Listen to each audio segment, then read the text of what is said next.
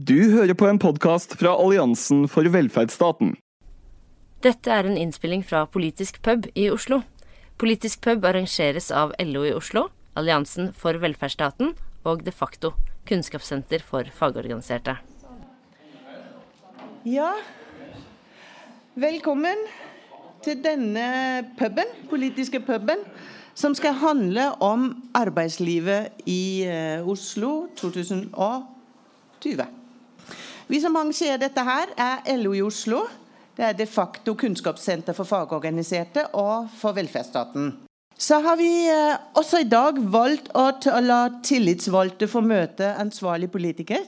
Eh, både for at politikerne skal få anledning til å fortelle hva de gjør, og for å løse viktige oppgaver i kommunen, men også hvordan de spiller på lag med kommunens ansatte og andre representanter for innbyggere og arbeidere i Oslo-regionen for å utvikle byen vår videre.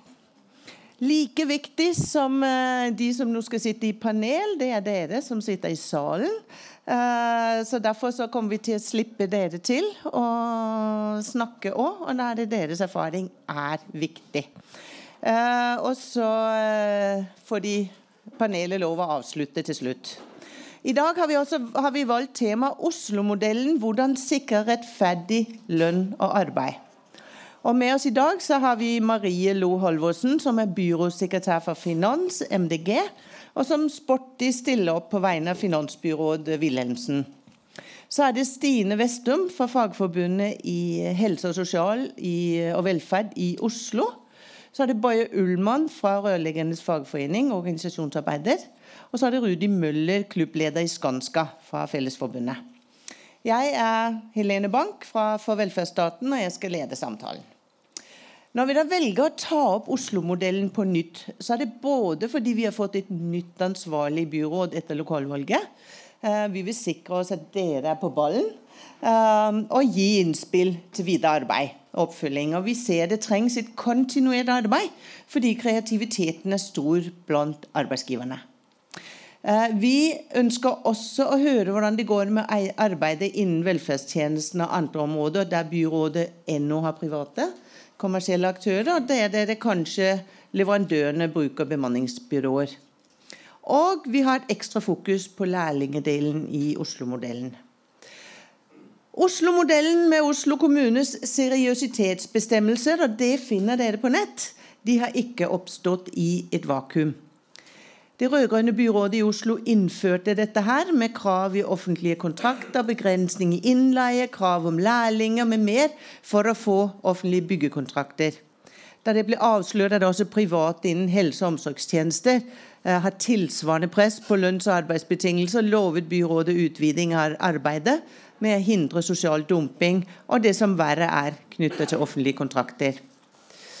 Så er det sånn at fra 2000, bare for å sette litt i en sammenheng Fra år 2000 så ble det tillatt i arbeidsmiljøloven å leie ut alle typer arbeidskraft. Altså et frislipp for å bruke bemanningsselskaper og innleie i det norske arbeidslivet. EU-utvidelsen og tilgangen på østeuropeiske arbeidstakere til bemanningsbransjen fra 2004 Uh, uten å kunne stille krav om at norske lønns- og arbeidsbetingelser skulle gjelde i Norge, førte til en kraftig vekst av innleie. Innleid arbeidskraft spiller i dag en viktig rolle innen bygg og i industrien, men også i helse- og omsorgssektoren, og etter hvert i oppvekst og utdanning. Etter kort tid ble den norske modellen sett fra arbeiderne i byggebransjen, spesielt i Oslofjordområdet, ensbetydende med bemanningsselskaper og innleie. Som Roy Pedersen, tidligere leder i LO i Oslo, sa på politisk streikemarkering i 2017. I 2017 ble det nemlig krav om midlertidig forbud mot innleie i Oslofjordområdet. Et forbud som det er handlingsrom for i EØS-regelverket. Det rød-grønne byrådet i Oslo svarte med Oslo-modellen. Oslo-modellen er altså ikke fagbevegelsens førstevalg, men Oslo-politikernes svar på et overordna krav om forbud. Og så Det er viktig at vi har det som, eh, som en bakgrunn i det vi gjør. Men våre fagforeninger de tar ansvar og prøver å følge opp, trass i at kreativiteten til de som har offentlige kontrakter, er stor for å presse mest mulig ut av offentlige kontrakter. Nå starter vi med en liten presentasjon, og nå har eh, Marie fått lov til, i og med at det er uke åtte av vinterferieuke, uh, å bruke powerpoint. og så skal uh, Nei, det er ikke vanlig, men det er helt greit. og så etterpå så får vi da Stine, Boje og Rudi Eh, som da får lov å eh, komme litt med erfaringer, kommentere litt, og så er samtalen i gang. Så vær så god, Marie. Ordet er ditt. Og vær snill å snakke i ja. Eh, mikrofon, så får vi det tatt opp. Kanskje jeg rett og slett skal sitte nesten, da. Eller kan stå. Hei, hei. Veldig hyggelig å være tilbake, må jeg si. Jeg vet ikke om det var så mange i salen, og jeg, jeg klarer ikke å kjenne igjen ansiktene, men uh, jeg har vært innom et par ganger fordi at jeg tidligere jobba med Bilfritt byliv. Så det har vært Oi. Det har jo vært uh, veldig bra, for jeg føler at dette her er liksom en arena for å ha en litt sånn politisk workshop. Så uh, det var utrolig nyttig forrige gang. Jeg, jeg ser i hvert fall noen uh, nikker her. Jeg satt med en sånn bok og skrev og skrev og skrev. Og så gikk jeg tilbake til byråden min Hanna Markussen og så sa jeg liksom nå har vi masse nye ideer. Så er det noe vi fikk gjennomført, og så er det noe som står på lista fortsatt. Men siden den gang så har jeg bytta byrådsavdeling. Og som Helene var innom, så er vi Skal vi se. Fortsett lysbildefremvisning. Det hjelper oss litt. Det er noen nye ansikter her. Da. Dette er veldig lite flatterende bilder av alle tre. Men jeg tenkte det er greit for dere å vite hvem det er dere skal ringe til og mase på fremover. fordi vi har jo bytta hele staben på finansområdet. Så dette er jo den nye finansbyråden, Einar Wilhelmsen fra MDG. Og så er det Lars Graverok fra Ap, som liksom holder fanen høyt på vegne av Ap, som tross alt hadde finansbyråden inntil nylig. Og så er det da meg borti hjørnet, eh, som også er byrådssekretær.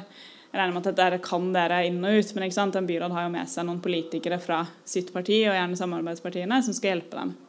Det er Lars som har ansvar for å følge opp Oslo-modellen. Eh, Lars og Einar har familie, så de fikk førsterett på å ta vinterferie. Eh, derfor er jeg her i dag. Det er jo en veldig god anledning for meg å lære mer om hva som er viktig når vi skal jobbe videre med Oslo-modellen. Og så har jeg liksom på forhånd da tatt eh, liksom sagt ifra at det er ikke sikkert at jeg kan svare på alle spørsmål. Um, men uh, dette her er jo jeg vil jo også si at Når jeg har nå begynt å jobbe i finans, så syns jeg at dette her er noe av det mest spennende vi skal få lov å jobbe med fremover. For det er så utrolig uh, genialt. Og det er så på alvor, det vi jobber med her. Det er så utrolig ekstrem situasjon i en del bransjer. Og vi har jo begynt å jobbe mye med byggebransjen. Jeg vet ikke om alle kjenner til Fairplay Bygg, men de hadde jo årskonferanse i forrige uke. Eh, og Derfor da disse oppslagene hvor de har begynt å, de har jo fått støtte fra Oslo kommune til å begynne å gå rundt på byggeplasser og følge opp eh, brudd på arbeids, eh, altså arbeidslivskriminalitet. Eh, og melde inn, sånn at man kan begynne å jobbe med det. Og De finner jo ganske mye brudd, og de antar jo at dette her er bare toppen av isfjellet. og det vet jo sikkert kjempemange av dere mye mer om enn oss allerede. Um, men dette er jo noe som er veldig Det er kanskje feil å si at det er gøy, fordi det er ganske graverende. Men det er også veldig morsomt når man som politiker kan gå inn og faktisk gjøre en ganske stor forskjell. Uh, og at vi i Oslo, når vi på en måte er politikere som vil, så kan vi faktisk stille ganske strenge krav og gjøre ganske store endringer. Og så er det jo fortsatt en lang vei å gå i å være helt sikker på at de kravene vi stiller, faktisk gjør seg gjeldende overalt. Eh, men det er i hvert fall en sånn stor materie som du føler liksom, her kan vi gjøre en forskjell. Her er det ikke sånn at ting var liksom 99% bra før vi gikk inn. Her er det mye å ta tak i, og det er veldig motiverende. Så eh, vi er på ballen. Eh, jeg har lyst til å bare si først, særlig fordi nå, nå, er det jo mye folk fra fag, fagforeningssiden her, men det har vært veldig viktig for oss at hele arbeidet med Oslo-modellen både har vært et samarbeid med Eh, NHO og med LO. Og at de også da var med når man lanserte Oslo-modellen. Der ser dere selvfølgelig ikke Einar Wilhelmsen, for han eh, tok over nå nylig. Da var det jo Robert Steen som var ansvarlig. Men at man hadde med begge sider når man eh, lanserte Oslo-modellen. Um, Det kommer vi til å hele tiden legge vekt på, at vi skal også ha en dialog med NHO og arbeidsgiversiden uh, for å være sikker på at de også er med på ballen. Selv om de kanskje opplever det noen ganger som litt mer utfordrende. Uh, hva er Oslo-modellen? Det er jo en hel lang rekke med seriøsitetskrav, men jeg bare uh, ramset opp noen av de viktigste. Uh, det er jo sånn at Vi kan ikke kreve at eh, de ansatte i leverandører til Oslo kommune har en tariffavtale, men vi kan kreve at de får lønn i henhold til en relevant tariffavtale. Eh, sånn at eh, alle som jobber på byggeplasser hos oss, de skal ha en lønn som er i tråd med eh, lignende tariffavtale i tilsvarende bedrifter. Så skal eh, man eh, bruke faste ansatte, og de skal i hvert fall ha en 80% stilling. Man hadde jo en situasjon hvor man krevde faste ansatte, og så ble det bare masse folk på 5% stillinger. Så de må i hvert fall ha 80 eh, fast stilling. Så skal 10% av timene på anleggsplassen være lærlinger. Og 50% av timene skal være fagarbeidere. Så det betyr at det skal ikke bare være 10% av de ansatte, men det skal være timene utført arbeid skal være i hvert fall 50% fagarbeidere. Så er det en ting som har vært ganske mye diskutert, og det er dette med underleverandører. For det er klart at hvert ledd eh, av underleverandører man tillater, jo mindre kontroll har du jo. Fordi at kan, Det er liksom grenser for mye du kan kontrollere hvis det er ti ledd av underleverandører, og vi egentlig bare forholder oss til den entreprenøren som vi har en avtale med. Så vi har blitt ganske strenge på det eh, og landa på at vi bare har ett ledd, men at det er lov å søke om tillatelse til ett ledd til dersom man ser at det er nødvendig. For Da har vi mye mer kontroll med hvilke totalt hvem det er som er involvert og leverer en tjeneste til oss. Så er det dette med HMS-kort, eh, som jeg skal komme litt tilbake til. Men at det også må, du får ikke komme inn på en anleggsplass før du har alt det på plass. Du skal ha et OMS-kurs, og du skal ha det kortet fra dag én.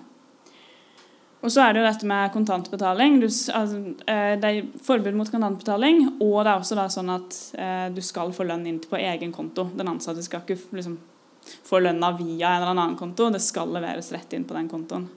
Så er ikke det en garanti for at man har eh, full kontroll. Det kan jo godt være at noen føler seg presset til å allikevel betale deler av de pengene til noen andre. Men det er et forsøk på å begynne å stille krav som i hvert fall luker ut en del av de useriøse aktørene som man har sett i byggebransjen. Så er det dette her med HMS-reg, eh, hvor alle som jobber for Oslo kommune skal være registrert. Og skal da ha et HMS-kort som de alltid må ha med seg på anleggsplassen. Og som gjør at vi også kan føre statistikk og ha mye mer kontroll på hvem det er som befinner seg på de anleggsplassene som jobber for oss. Og så er man jo da et samarbeid eh, med Arbeidstilsynet, og vi har også da kemneren eh, som er med å følge opp dette her og sørge for at det er minst mulig brudd. Og eh, dette her ser jo veldig veldig bra ut. ikke sant? Med en gang man begynte å stille disse kravene, så har eh, avvikene gått nesten ned i null. Det kan jo skyldes to ting. Enten så kan det være at uh, vi har fått kjempe, kjempegode resultater uh, og uh, nesten ingen avvik lenger. Eller så kan det være at aktørene har blitt mye flinkere på å skjule de avvikene de har. Og Det er litt vanskelig for oss å vite, og vi jobber jo selvfølgelig hele tiden med å få bedre kontrollrutiner. Men det er jo liksom en av de utfordringene vi ser, at når vi stiller krav, så flytter på en måte de useriøse aktørene seg bare hele tiden til det grenselandet som vi ikke har helt oversikt over. Så dette er jo noe man bare jobber med, og jobber med hele tiden for å få bedre eh, kontroll. Og også da, som jeg skal komme litt tilbake til, og som jeg tror vi skal diskutere, utvide til nye bransjer. For disse flytter seg jo bare hele tiden.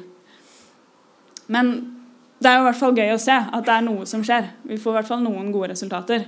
Eh, og vi har jo også gode historier fra at man ser at eh, dette her har påvirket bransjen. Og så er det jo også en ting som er veldig morsomt med dette her, og det er jo at det, det, inntrykket man har hatt av den bransjen, bygg- og anleggsbransjen, er jo at dette er jo ikke noe som norske ungdommer burde jobbe i. Man kan liksom ikke garantere at det er en god fremtid der. Men med disse kravene og det at man klarer å vri store aktører til å bli mer seriøse, så skaper det jo også et mye bedre omdømme for bransjen. Og det er jo veldig gøy å se da, at det er flere som søker seg til disse jobbene nå, enn det var for noen få år siden. Det har jo gått litt opp og ned, men som vi ser det, så ser vi at uh, at det er flere som en måte, ser en framtid for seg i denne bransjen, og flere som ønsker eh, å søke yrkesfag. Så det er veldig bra. For det, jeg kommer jo fra MDG. Eh, kanskje ikke helt naturlig at vi er liksom kjempeengasjert i dette her.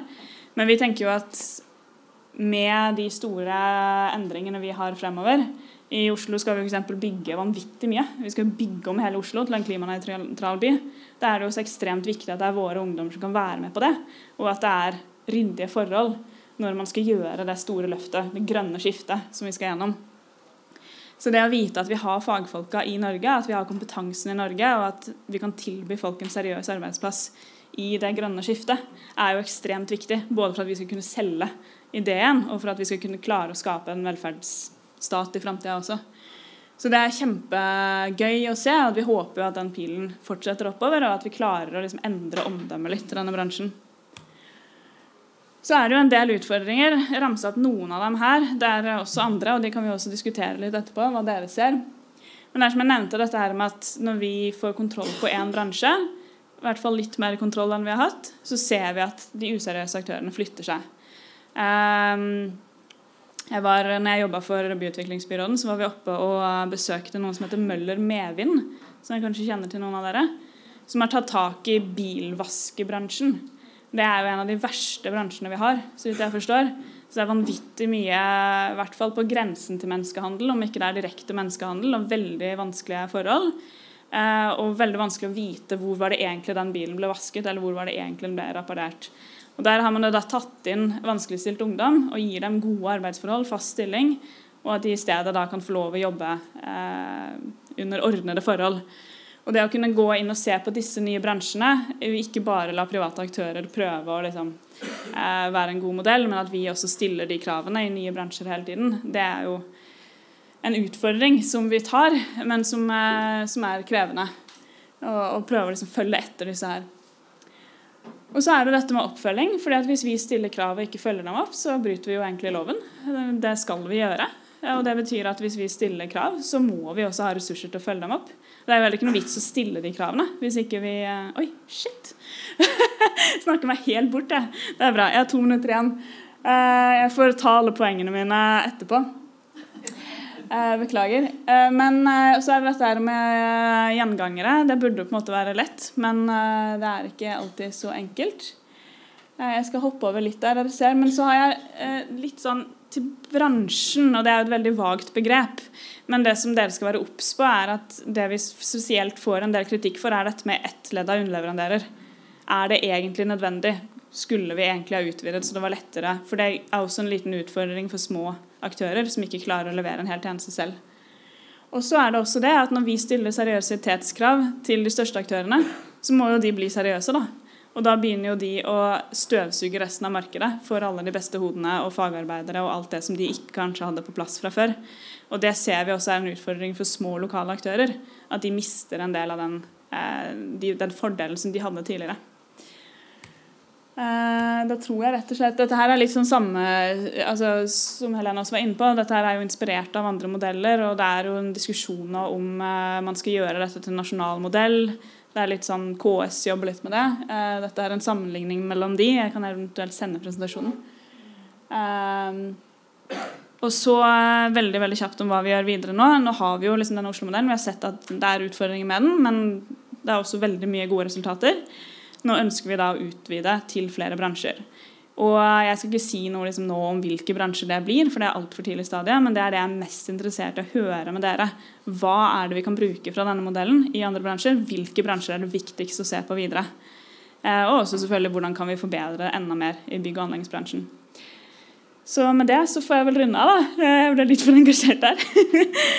så skal jeg notere flittig og ta med meg tilbake fra Finansbyråden, som for så vidt også hilser så mye. Yes. Ja.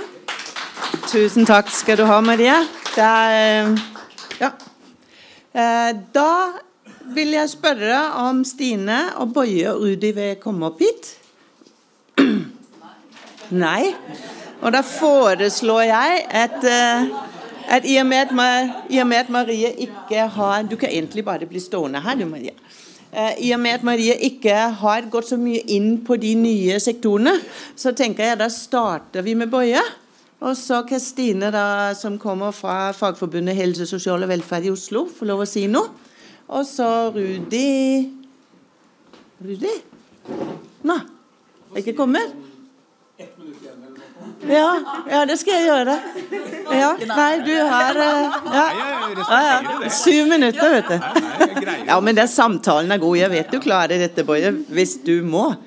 Ja, Da starter du, så får vi håpe at Rudi kommer etter hvert. Ja, jeg har jo vært organisasjonsarbeider i Oslo-området siden 2006.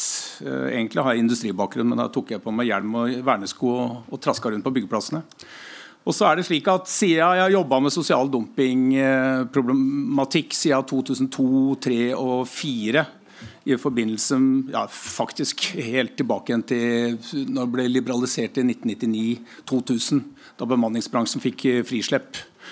Så, eh, så, det er bakgrunnen. Så eh, jeg blir jo litt sånn malurt i, i, i, malurt i begeret her. fordi at altså, Jeg har vært med på så mange tiltakspakker og så mange lovnader, sånn at jeg begynner å tenke sånn at hvor mange ganger skal man love at nå er vi virkelig på gang, nå har vi levert? altså. Så Vedtaket som vi hadde i Fellesforbundet husker jeg 99 om bemanningsbransjen, forutsetning for at de skulle frislippes, så var det sånn at det var så strengt å opprette såkalte vikarbyråer og bemanningsselskaper. og Den gangen var vedtaket i LO og i Fellesforbundet at man kunne leie ut kun til konkrete personer. Det er det Lundteigen driver og predikerer. Men det ble frislepp. Men det skulle være, det var en, faktisk en innstramming og ikke en liberalisering. Etterpå så har vi sett at det er en uh, liberalisering. Men eh, vi var i hvert fall veldig glad for at uh, byrådet tok oss inn med både Raimond og, og Robert Steen og, og Lippestad den gangen eh, når Oslo-modellen skulle utvikles. Så det som kom på papiret, var, var vi fornøyd med. Det var ikke lønn mellom oppdrag og faste ansettelser osv. Så, videre, så, videre. så papiret, det fungerer. Jeg må da gå rett på sak, for ellers man kan ikke ta hele historien her. Det skjønner jeg jo, selv om det har vært fristende. Men jeg gjorde da et feltarbeid på vårparten og rett etter sommeren. Eh, på de byggeplassene hvor Oslo-modellen var starta. Og det var ikke noe særlig pent, for å si det sånn. Så det man ikke har fått til, for å bare ta spisse én sak, for jeg kan ikke ta absolutt alle de stedene jeg har vært, men jeg har jo da notert, fått, uh, fått mannskapslister, sjekka firmaene, og det som er en overskrift, i hvert fall, er at det er ikke noe bedre med organisering på Oslo-modellplassene. Tvert imot. Det er dårlig med organisasjonsprosenten. Det er lite organiserte folk på, på, byggeplassene. Og Da går jeg på den som skulle være selve flaggskipet. Sonja Hennie hadde ikke akkurat så veldig fin historie, egentlig, men hun har i hvert fall fått sitt navn på dette skøytestadionet på, på, Frogner, hvor Robert Steen ikke gjorde som Martin Luther, men han spikret i hvert fall opp Oslo-modellen på flere språk. Han glemte den viktigste, aller viktigste loven på den plassen. Nemlig at det er forbudt å leie inn eh, fra bemanningsselskapet hvis du ikke har tariffavtale. Så da dro jeg sjølsagt på, på, Frogner eh, stadion og fikk sjekka opp. Det er Håndverkskompaniet, som er også rett rundt hjørnet der vi har kontorer, har også prosjekt. De får en del eh, oppdrag. De har ikke tariffavtale. Og så uh, leier de betongarbeidere fra Submet som er et bemanningsselskap hvor det er en polsk eier. og Han har en stygg historie helt tilbake til 2002-2003. Han har vært med på Det blir bare sånn name-droppings her, men det er utallige selskaper som han har vært involvert i helt siden 2003. Stygg historie. Så han gikk da dundrende konk, Submet, med betongarbeidere i, på Nasjonalmuseet. Og, og, det var sånn at workshop, workshop, måtte ta over hele prosjektet. Så det var jo uh, konkurs. Og han har da mange betong, eller hadde mange betongarbeidere på den plassen. og Dette er meldt ifra. Og det som er interessant altså Jeg har jo meldt fra til, jeg var veldig grei med Robert Steen. Jeg ville ikke kjøre dette i valgkampen. Det hadde, hvis det hadde vært et annet byråd, så hadde jeg gjort det. fordi at da hadde vi fått skylda for å ødelegge alt det greiene der. Så jeg var veldig grei, så jeg sendte rapporten både på vårparten og innunder valgkampen. Og Da hadde vi også vært på Slemdal skole, hvor det var en god del lovbrudd. Bakkegruppen, som er kjent for å være et seriøst eh, firma, bortsett fra at den ikke hadde egne folk der i det hele tatt. Og Der avslørte vi også, både på rørsida, ulovlig innleie, utarifferte bedrifter osv. Og det resulterte i da vi lagde denne eh, rapporten, det er rapport nummer fire vi har lagd eh, på Oslo omegn, hvor vi da avdekker eh, ulovlig innleie og brudd på arbeidsmiljøloven og you name it. Og Da var jeg på bakkegruppen på Jessheim for å få ut mannskapslister. Var med en gang nei!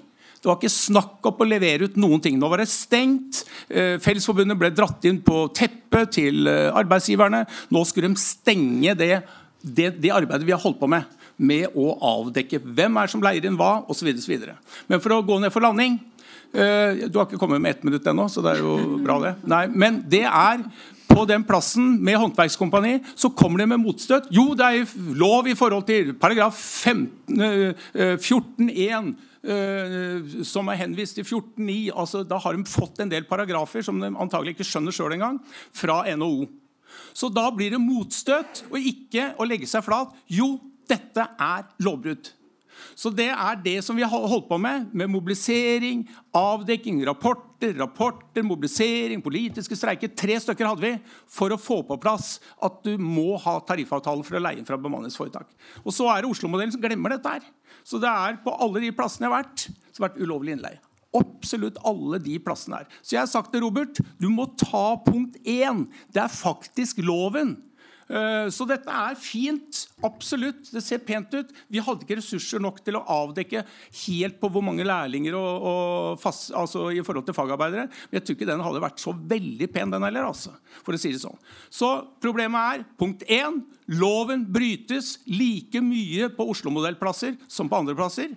Punkt to, Det er like lite organiserte bygningsarbeider på de plassene, som da understreker at man burde kreve tariffavtale og gi det fortrinn når du, er da på, når du skal få oppdrag for Oslo kommune. Uh, takk. Ja. Neimen, boje. Tusen takk skal du ha. Ja, så er det Stine. Ja. Og det er jo blitt lovet at uh, det skal utvides også til helse, helse- og sosialområdet. Så det er jo ikke bare et innspill. Det er jo, ja, ikke sant? Så vær så god. Hva ser du, og hva håper du? Takk. Ja, utvidelsen til de såkalte myke sektorer. Det, det, det, det har veldig lite mykhet over seg, altså. Men eh, eh, det har vært gjentatt flere ganger, det. Og vi ser jo fram til det. Samtidig så er det sånn at jeg leder en fagforening som i 2017 eh, deltok sammen med byggfagsforeningene på en politisk streik eller politisk markering. Man brukte litt ulike betegnelser for å ja, slippe unna eller det man skulle. Um, men, men, eh, og da ringte Fri fagbevegelse og sa sånn Hvorfor i all verden skal du som er leder av Fagforbundet helse, sosial og velferd, skal dere delta sammen med byggfolka på en sånn markering? Og det er jo logisk, tenker jeg, fordi at eh, det her henger jo sammen. Man har et arbeidsliv innenfor det Boje skisserer, som er kjent også innenfor eh, min sektor. I kommunal sammenheng så betyr det Nav, eh, helseetaten og velferdsetaten. Men så er jeg jo her fra Fagforbundet og er opptatt av å snakke medsøstre. Altså medsøstre alle, av alle kjønn, for å si det sånn. Eh, sin sak også spesielt innenfor oppvekst og, og helse. Bredt. Eh, fordi eh, hovedformålet er jo et anstendig og seriøst arbeidsliv. Ikke sant? Og skal man lykkes med det hovedformålet, så tenker jeg at det finnes ganske mange andre løsninger enn å fortsatt tenke at bemanningsbransjen løser dette. For det er jo det som er problemet. Altså Bemanningsbransjen er jo med på å forjævlisere, eller hva skal man kalle det, brutalisere arbeidslivet. Uh, og det er jo det som er Vi må tilbake til å liksom snakke om hvordan kan Oslo kommune ta grep om arbeidslivspolitikken. Og det kan man gjøre på veldig mange andre måter enn å fortsette med bemanningsbransjen eh, å ha Oslo-modellen og utvidelse av Oslo-modellen. Jeg tenker at Det er viktig at vi snakker om å ta styring over tjenester. Ikke sant? Altså, hvordan er det man rekommunaliserer tjenester? Hvordan er det man tar styring over ansatte? Jeg skjønner ikke at arbeidsgivere slipper løs private aktører på det som man kunne ha hatt styrt gjennom på tvers av virksomheter, på tvers av bydel og etat, på tvers av det som er Norges største arbeidsgiver, har jo et konglomerat av tjenester som kan tas i bruk. Og så slipper man det løs til andre. Det er for meg komplett uforståelig. Um, man kan gi folk hel stilling. Da får man en forpliktelse til jobben, og man har også mulighet til å være en del av arbeidet eh, hele tida. Selvfølgelig i tillegg til alt det det fører til av goder for den enkelte. Um, man må ha nok folk på jobb. Man må gjerne ha mer folk enn man trenger på jobb og ikke et minimum og et minimumsbelegg. Eh, fordi at folk som jobber med folk, blir ofte syke enn andre. Det er jo det som er med sykemeldingstallene eh, og sykefraværet innenfor bransjer som, der hvor folk jobber med folk, så er de høyere enn ellers. Da må man jo sørge for eh, det som har blitt litt sånn feilaktig, tenker jeg, omtalt som vikarpoler, eller altså i hvert fall kommunale eh, bemanningsgrupper som kan styres dit det trengs. Eh, og så er det jo forferdelig å kalle det liksom vikarpool, for da ser man liksom for seg at man bare skal jobbe når ikke sant? For man kan jo ha fast ansettelse også da. Eh, det er løsninga mye heller, tenker jeg, enn å fortsatt liksom flikke på eh, et system som gjør det vanskeligere for arbeidsfolk. Og så er det jo sånn at Hvis man ved det gode tenker at bemanningsbransjen skal i hvert fall løse der hvor det er mye sykdom. da, ikke sant? Det er bedre at det kommer noen, enn at det ikke kommer noen. altså Det er bedre at det liksom er folk på jobb i barnehagen eller på sykehjemmet eller i rusomsorgen. Uh, men det er nødvendigvis ikke det. Fordi og Det å jobbe i relasjon til andre uh, gjør jo òg at folk som da er i behov av de tjenestene, opplever vanvittig mange folk de skal forholde seg til for å få gode tjenester. Um, ja. Og så har jeg en kommentar til det som handler om yrkesfag. Um, fordi det er jo gledelig uh, Det løftes fram fra politisk hold, både fra ditt parti og andre, at nå ser man liksom en oppgang i søknader på yrkesfag. Um, og jeg er jo glad for at folk søker seg etter jobber som vi trenger, men da må jo folk få jobb. Ikke sant? Altså Vi har helsefagarbeidere som jobber i så latterlig lave stillinger at uh, de kan verken leve av jobben eller leve med jobben. ikke sant?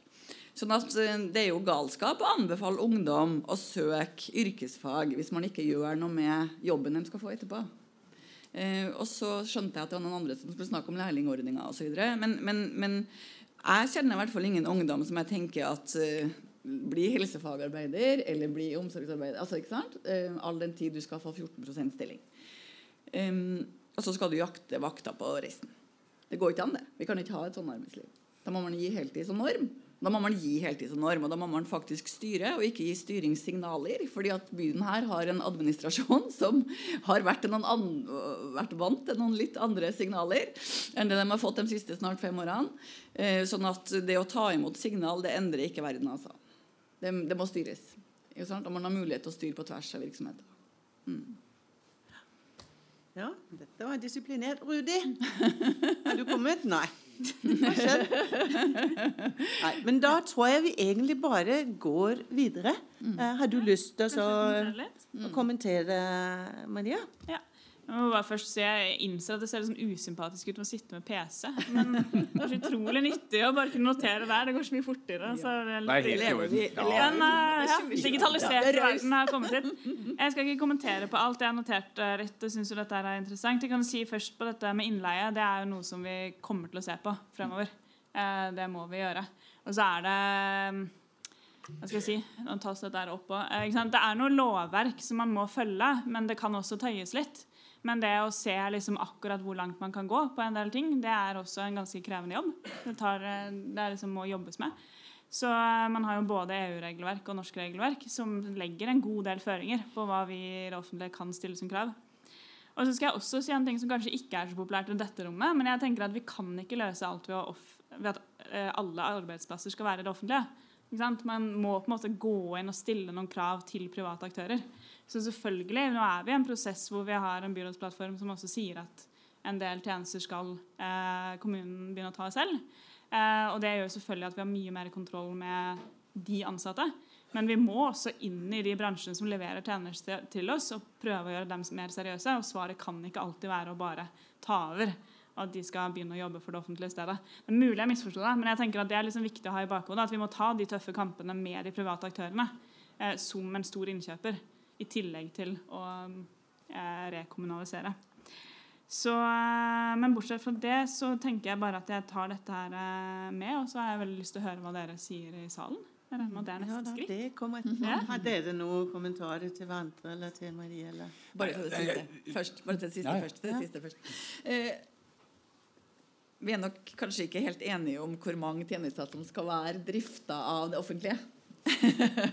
sånn som jeg hører du svarer. Um, fordi at jeg er nok opptatt av at flere tjenester skal rekommunaliseres enn en, at det skal være en såkalt konkurranse. Ikke sant? Fordi at I tillegg til det å ha den kommunale delen som er referert um, i porteføljen, så er det jo sånn at uh, jeg er også fagforeningsleder for et svært privat felt. Um, og ansatte i såkalt ideell sektor med de snille på rusfeltet, ikke sant? Frelsesarmeen og Kirkens Bymisjon osv har jo, når du jobber i Frelsesarmeen, den samme dårlige NHO-avtalen som alle andre som har en tariffavtale fra NHO-området. ikke sant? Sånn at um, det er jo noe med hva er det man tenker skal være supplementet, da? Eller hva skal være um, i tillegg til det offentlige når man skal drive tjenester innenfor spesielt det området som jeg er opptatt av å representere. Mm. Oh, ja. Nei, altså um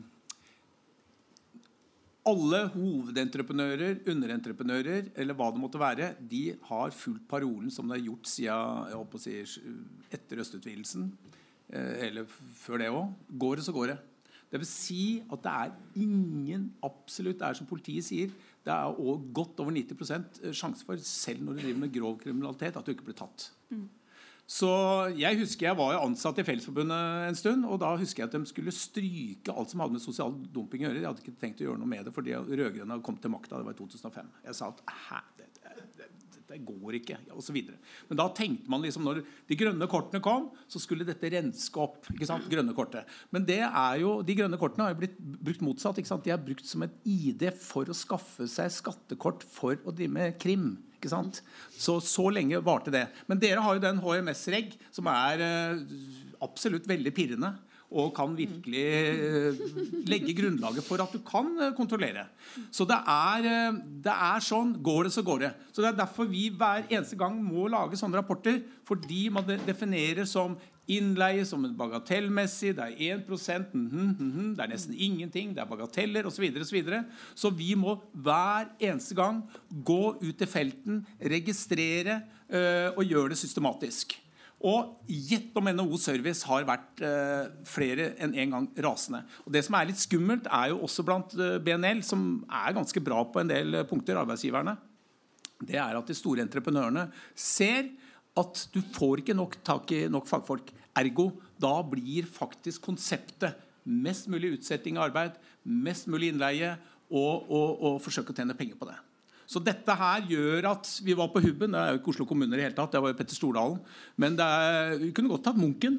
Altså Munken, eh, altså Alle de store offentlige bygg som ikke dere har skylda holdt jeg på å si, som er offentlige også. Statsbygg på Campus Ås, på Nasjonalmuseet, eh, på Munken, som da er Oslo kommune. Eh, Hub, det er jo da privat. Deichmans bibliotek, som da er Oslo kommune. Alt der det bygges ca. Eh, det blir for detaljert hvis jeg skal bla opp nøyaktige tall, men at det er 80-85 som er Øst-Europa, består av folk som da er pendlere som er på korttidsoppdrag, og som selvsagt er mye vanskeligere å organisere. Det er bildet i Oslo. Det er flott at man ser at statistikken vrir seg, men det er ganske Eh, bagatellmessig. Så det som er litt skummelt for Norge, er at eh, der er jeg faktisk for en gangs skyld enig med Fafo Dølvik. Som regel er jeg ikke det. Men han sier at eh, Norge og Oslo er da Kuwait Light. Du regner med at det er Øst-Europa som, som bygger. Dermed så blir dette her en slags upraktisk latskap. At man ikke virkelig satser på at her må vi ha uh, fagfolk, her må vi ha ingeniørskap, her må vi ha faste ansettelser, her må vi ha produktivitet, her må vi bruke uh, ny teknologi. Alle veit at lønna har gått ned. Eh, generelt, Og at dette her gjør at produktiviteten også synker. Så dette her, all vakkert om den norske modellen, så er faktum det at eh, Roy, som har lært meg på 90-tallet Sjøl om det hadde vært en kjempekrise fra 88 til 93, da virkelig det stupte med masseoppsigelser i hele byggebransjen, og nyrekrutteringen var et kjempeproblem, så var i hvert fall organisasjonsgraden 35% i 6, 7, 98, sånn cirka. Og nå stuper den ned mot 9-10% i Oslo omegn blant håndverkere. Så dette organisasjonsgraden er utrolig altså da Da mister vi makt. Det liker vi ikke, men det er på vegne av velferdsstaten og den norske modellen som alle har 17. mai-taler og god jul og godt nyttår og de vakre talene. Det handler om at du faktisk har tariffavtaler, at du har organiserte folk, at du har tillitsvalgte som kan sitte og, øh, hva skal vi si, og, og øh, forhandle med ledelsen. Men jeg vil si noe positivt sjøl, for dette er, det er ulike hva skal vi si, tendenser blant de store entreprenørene. Siden uh, Rudi ikke sitter her og kan representere sjappa si, eller bedriften sin sjappa, Sorry. Veidekke har da gått på to år har de økt fra 203 ansatte til 305. Det liker vi. Og Skanska har ansatt en 60 stykker. Og så har du AF som går helt den andre veien. Det er de som har Nasjonalmuseet. Så det var litt morsomt. Ja, morsomt var det ikke. Uh, Adolf som sitter der, Vi har sittet ja, sånn, uh, rundt bordet. Hvordan går det på byggeplassen? Og han som da er tillitsvalgt fra AF, hvor det er 600 mann på plassen, og spør ja, hvordan er det med dere. Jo, nå var Åge han var sjukmeldt forrige uke. Og så var det Trond Nei, jeg vet ikke hvordan, jeg tror han var på arbeid. Så, ja, er vi er to stykker. To stykker av 600 og AF er hovedentreprenøren. Så dette her er det vil si Du satser på et konsept på at du skal sette bort, og det er lønnsomt, og AF tjener penger. AF har da kjøpt opp CBA Fagformidling, som er et bemanningsselskap. Eh, som var på Hubben, hvor eh, CBA også har laget igjen CBA Service og leier inn til seg sjæl 25 stykker. Selvsagt ulovlig innleie. Vi registrerte der 185 lovbrudd på, på Hubben. Så det er det som er overskriften. Hubben er ikke dere, men altså Munken er tilsvarende. Altså På Munch-museet GK Rør Oslo leier inn HS2, som også var på Campus Ås. Det er tre stykker nå som er gått inn i fengsel disse tre har drevet med kriminell virksomhet eh, i flere år. Etablert seg på Malta, etablert seg i Liechtenstein. Og så gikk det der bankkortet de var litt for ivrige, så det gikk varmt. Sånn at skattemyndighetene skjønte at her var det noe muffens. Og de får da to og et halvt år i spjelet. Eh, jeg sa da til bransjen Obs! HS2. De har 350 mann som de leier ut. Både på elektro og på, på rør. De var på Munch-museet. Og da sa jeg ikke bruk dem. De bruker dem allikevel, så de flyr jo på horehus. Sjøl om vi sier det at ikke gjør det. Vær så snill, ikke gjør det. Men det gjør de, og da sendte de en advokat på meg og trua meg med, med erstatning og alt mulig sånt, fordi at de har skifta navn hele tida. Nå har de skifta navn for n-te gang. Så det er, dette her er, det er ikke mye du skal innunder overflaten før også de kriminelle nettverkene skjer. Og dere som har hørt kanskje Einar Hakås i, i Aftenposten. fordi at når rød-grønne kom til makta, mange som sier stem på det rød-grønne, så blir alt ordna. 2005-2013 det var da malerbransjen, mafiadelen, bygde seg opp i Oslo. Det var da de bygde seg opp. og de malte og pussa opp både på Eidsvollbygningen, Slottet, skattemyndighetene, eh, departementene. Så de var da til stede under de store eh, ja, så sånn er det. Bøy, du skal få ordet igjen siden nå. Men uh, jeg tenker nå skal, nå, har, nå skal, Marie få snakke litt. og så I mellomtida så åpner jeg opp for, for dere. Uh, men før jeg gir deg ordet nå, Marie, så var det jo to konkrete utfordringer fra Boje. Da. Det ene er prioritere bedrifter. Ikke kreve, men prioritere bedrifter med tariffavtale. Og det andre er dette med de forbudte innleie uten tariffavtale. Det er jo helt konkret. Og så snakker jo da uh, så snakka jo da Stine om dette med eh, vikarbank, hva vi kaller det. Mm. Uh, som, uh, som, jo også blir en viktig del for å unngå en del av det innleie. Og så er det jo en ting som ikke har kommet frem. Da. Det er hvilke sanksjoner er det vi kan regne med uh, kan komme når alle disse lovbruddene skjer igjen og igjen og igjen. For det er jo litt med et fremtidige kontrakter Kan man bli valgt bort, er jo ikke veldig stor trussel hvis man bare skifter navn. Mm. Så, men vær så god, Maria, så begynner jeg å tegne opp hvis det er noen som har lyst til å ta ordet med spørsmål eller kommentarer eller erfaringer fra gulvet. Mm. Det med å prioritere bedrifter med tariffavtale er jo interessant. og Jeg har i hvert fall notert og skal ta det med meg. Jeg skal ikke sitte og bare si det hele kvelden. Altså. Men mm. jeg tenker umiddelbart at eh, det er jo noe med at eh, stiller man noen krav i en anbudsrunde, som selvfølgelig også er uh, utfordringen med at vi har disse private aktørene som vi har anbud med, uh, så skal jo det kravet være relevant for den tjenesten som leveres. Uh, og allerede i det at vi krever at det skal være fast ansatte med tarifflønn, så går vi egentlig litt langt. fordi at vi kan på en måte ikke peke på at det produktet vi får, er annerledes. Eh, sånn at det er noen sånn juridiske utfordringer der. Og så skal liksom, som politiker så man, trenger man ikke alltid forholde seg til de problemene. Så kan vi heller si dette skal vi se på. Eh, men det er greit at dere er klar over det. At det er liksom, vi begynner å bytte mot en god del regelverk. Og eh, vi sitter ikke i regjering. Eh, og vi sitter for så vidt ikke i EU heller, som tross alt eh, legger en del føringer for oss. Så eh, det er liksom det vi begynner å nærme oss. da. Men jeg tenker at jeg tar uansett med meg det, og jeg vet at dere også spilte inn dette tidligere. Um, og, det, og, så er det dette med for, altså alt som er forbudt. Eh, der handler det jo egentlig bare om kontroll. For det er klart at Med en gang man klarer å avsløre at noe er eh, et lovbrudd, så har du jo liksom mulighet for å, å, føre en sak eller anmelde. Det store problemet her er jo nettopp at ikke vi får det opp. Så det er jo kjempebra arbeid det dere gjør med å klare å, eh, å gå inn og kartlegge og, og melde fra når det er noe som skjer. Eh, og Det er jo også en utfordring. ikke sant? For de på arbeidsplassene, Nå har vi jo oppe skilt alltid hvis det er noen som leverer til oss på flere språk om hvilke rettigheter folk har, og hvilke krav som gjelder for den arbeidsplassen, og at man må melde fra.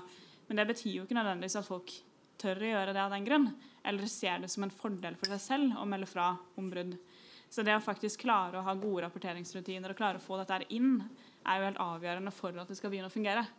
Og så er det jo kjempebra at du liksom er på og sier at dette her er ikke bra nok. Men eh, vi må også ha litt sånn tålmodighet, da, for det er ikke så veldig mange år siden vi begynte å innføre dette.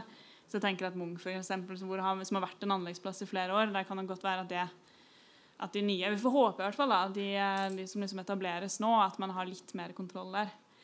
Um, ja, Så kunne vi debattert offentlig versus uh, privat hele kvelden. Jeg selvfølgelig ser at det er det er selvfølgelig en god del bransjer hvor man kanskje har, får et bedre tilbud òg, dersom det er det offentlige som gjør det. Eh, selvfølgelig. Men mitt poeng her var at dette er en kveld hvor vi skal diskutere Oslo-modellen. Og da kan ikke svaret være at, eh, at, kommunen bare skal gjøre det selv. Da må svaret være hvilke krav er det vi skal stille til de private aktørene. For det er, liksom, det, er det som er kjernen av problemet. OK, bra. Da åpner vi opp. Da har jeg deg først. Og så er det Roar, og så er det deg. Så går vi den Vær snill å snakke inn i mikrofonen. Og gjerne presentere deg hvis, uh, hvis det går bra. Ja. Hei, uh, Oskar Linde, uh, Fellesforbundet sitt forbundsstyre. Jeg har ganske mye erfaring med å oppsøke lærlinger rundt på bedrifter gjennom ungdomsarbeid egentlig i forbundet. og jeg ser jo Dette er jo ansvar som fylkeskommunen eller Oslo jeg vet ikke hvem, hvilken del av Oslo som har ansvaret for oppfølging av lærlinger, egentlig har. Men uh, i hvert fall den oppfølginga den er ganske manglende mange steder. Og det vi får kontrollert, er faktisk ikke bygningsplasser, for der er det vanskeligst å komme inn. Det bruker de alt de kan for å ikke slippe oss inn egentlig og snakke med lærlingene. Uh, og da lurer jeg på, Når det setter krav til såpass mange lærlinger inn i dette her, og kjører på med å få så mange nye lærlinger, hvordan skal man følge disse her opp og finne ut at disse her har det bra, at de får en opplæring av det de har krav på? Mm. Um, ja. Så håper jeg altså at Boje, du brukte vernesko når du var i industrien nå. Kan jeg bare spørre eh, Tenker du også da på lærlinger som jobber i Oslo kommune? Altså sånn for Oslo kommune som arbeidsgiver? Det kan jeg også si at de har jeg faen meg ikke sett mange til. Nei. Det er bra. Det er bra. Vil du ha et spørsmål til, eller skal vi ta en kommentar til? Et ja, Da tar vi det. Eh, Roar? Å ja, nå kommer Rune. Nei, ja. ja, ja når Rune har blitt Roar. Da, da ser jeg faen på flatmark, altså. Eh, jeg er tillitsvalgt i Sporveien. Leder av Oslo Sporveis Arbeiderforening. Og jeg, jeg vil bare først si, når Oslo-modellen kom så må det, da må vi jo mene at det er vei mot Altså de gjør noe for å prøve å få bukt med det vi driver med. Altså det, det er jo ikke noe negativt. Så veit jeg også Jeg jobber i Sporveien. Og du, hvis noen driver i byen her, så ser de at de driver med svære prosjekter i byen. De graver overalt. Vi kjøper nye trikker med mange underleverandører og alt som er. Så, så det skjer jo noe. Og og jeg kan bare si på vegne av meg og Ola, som sitter i styret i Sporveien Når Oslo-modellen kom, så begynte direktørene å bli nervøse på dette blir dyrere for oss. Så sa vi tillitsvalgte dere kan bare forholde dere til det. Pga. at det har de bestemt i rådhuset. så kan vi si at politikere ikke har gjort det og ikke har gjort det. Jeg syns dere har begynt med, er veldig bra. Så jeg har bare lyst til å si Hvor er arbeidsgivere hen? En jeg kjenner veldig godt, han er leder i Statnett. Ikke begynn med kameraet nå, Boje. Ikke begynn med kameraet. Jeg fikk en historie fra han hvor de hadde leid inn folk fra Altså det var et svært kanadisk firma som hadde leid inn underleverandører fra Bosnia. Hvor de, hvor du skulle følge opp hvordan de kontraktene føltes opp i svære spenn i forhold til De drev ut på spenn, da. Det var 22 bosniere. Så viste det seg De fulgte opp de folka ved at arbeidsgiveren gikk ut på arbeidsplassen og spurte de ansatte hvordan har du det, og de stelte opp med tolker. Statene stelte opp med tolker, og de informerte EL og IT-forbundet at dette gjør vi nå. Så avslørte de det. Det det endte med, var at direktøren fra Canada kom om med, med privatfly og sa at hvis ikke de tar vare på de folka der, så får du aldri mer kontrakt med oss. De 22 fra Bosnia de fikk fast jobb i det kanadiske firmaet. Statnett, og jeg kjenner en tillitsvalgt som er der, gjør et jævlig bra arbeid. Jeg har spurt LO Oslo kanskje også kan vi dra noen gode eksempler hvor arbeidsgiveren tar dette på alvor. Og jeg påstår, der Ola og jeg jobber, der vi jobber, så tar de det på alvor, men du klarer ikke å følge opp alt det som fins. Hvordan gjør vi det? Men jeg, bare, jeg, jeg, har bare lyst til å En annen ting de har gjort i Statnett, som vi har tatt om med Sporveien, det er at de har, fått, de har gått inn med Skatteetaten og lagd en avtale på at de kan gå inn i underleverandører sine bedrift og se på skattemessige forhold. Det har de fått medhold i i Statnett. Spørsmålet mitt er bare har vi noe å lære av de arbeidsgiverne som gjør noe bra. da? Det kan hende at det er noen arbeidsgivere som tar dette på alvor. Og ikke bare at vi skal skylde på Miljøpartiet. Og så vil jeg si til deg, da Ikke Miljøpartiet, da. Anbud. Anbud har vi påstått i fagbevegelsen. Det tilrettelegger for korrupsjon og dritt og møkk. Alt mulig rart. Vi jobber for at bussen hos oss kan drives i egen regi. Og det er ikke så, så er jeg litt enig med deg, da. Det er ikke alt som kan drives med offentlig. For da tror jeg faen ikke den kiosken hadde gått på runde. Det, er noen som kan kiosk bedre enn oss. Vi driver innen kollektivtrafikk. Men anbud tilrettelegger for sånt som vi snakker om nå. Og innen den, sektoren vi driver, så bør dere se på det at som Stine var inne på, ta tilbake det vi skal drive med i egen regi. Jeg sier ikke at Sporveien skal bygge operabygget, altså, for det tror jeg ikke har blitt bygd. Men, for det kan vi ikke. Vi driver buss og trekk. Men innen buss og andre tonn skal, Det er ikke likegyldig hvem som driver med hva. altså. Så jeg bare har lyst til å si at Oslo-modellen, konklusjonen, som jeg mener, det er noe som er veldig bra, som vi kan bygge videre med. Og Boje er veldig glad for det i løpet av kvelden når vi har snakket med henne etterpå. Det har vel nevnt noen allerede. Eh, bra. Roar? Roar Eilertsen i De facto. For noen uker siden så var jeg med på en eh, studietur til Sveits for å se nærmere på hvordan de jobber med disse her eh, problemene. Og um, det var ganske lærerikt. Vi hadde møter med representanter for myndigheter, for um, uh, arbeidsgivere, for EU-systemet, for um, fagbevegelsen. Og det er jo sånn at uh, Sveits er ikke med i EØS, men de har uh, avtale med EU om å være en del av det indre markedet. Og dermed sånn, har for så vidt samme utgangspunkt som Norge i forhold til uh, arbeidsvandring.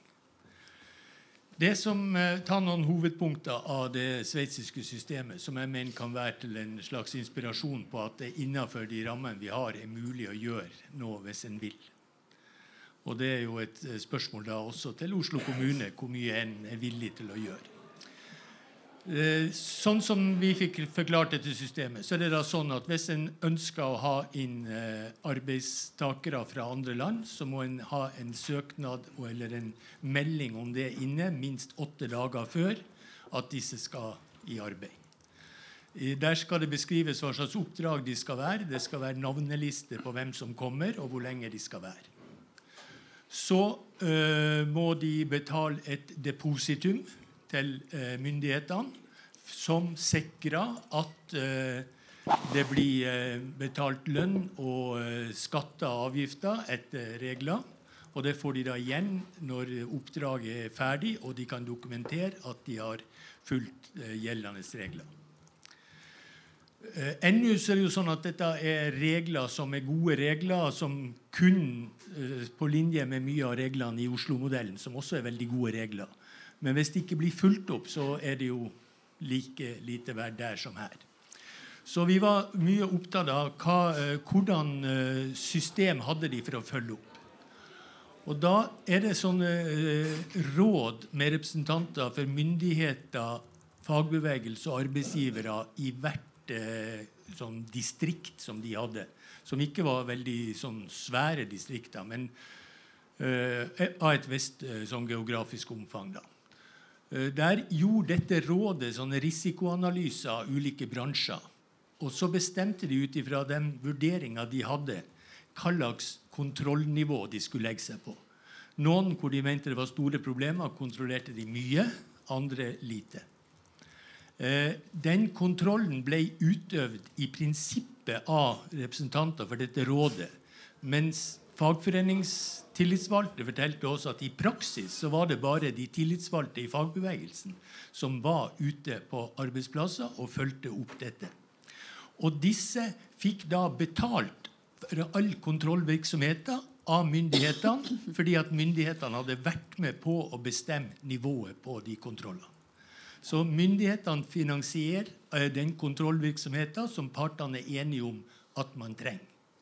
Og de tillitsvalgte som er ute på arbeidsplasser, hadde eh, myndighet til å ilegge bøter til bedrifter som de påviste hadde brutt regelverket. Og de eh, bedriftene sin rettssikkerhet i forhold til dette var jo selvfølgelig at de hadde anledning å klage inn og eventuelt gå til sak mot det her rådene hvis de mente seg urettmessig øh, holdt på å si, forfulgt eller øh, på, fikk pålegg som ikke var rett. Konklusjonen da var at eh, fagforeningsfolkene mente at de har i det sveitsiske arbeidsmarkedet kontroll på arbeidsinnvandringa i hovedsak, og at de som er der og jobber, får lønns- og arbeidsvilkår i tråd med det som er standarden i det sveitsiske samfunnet.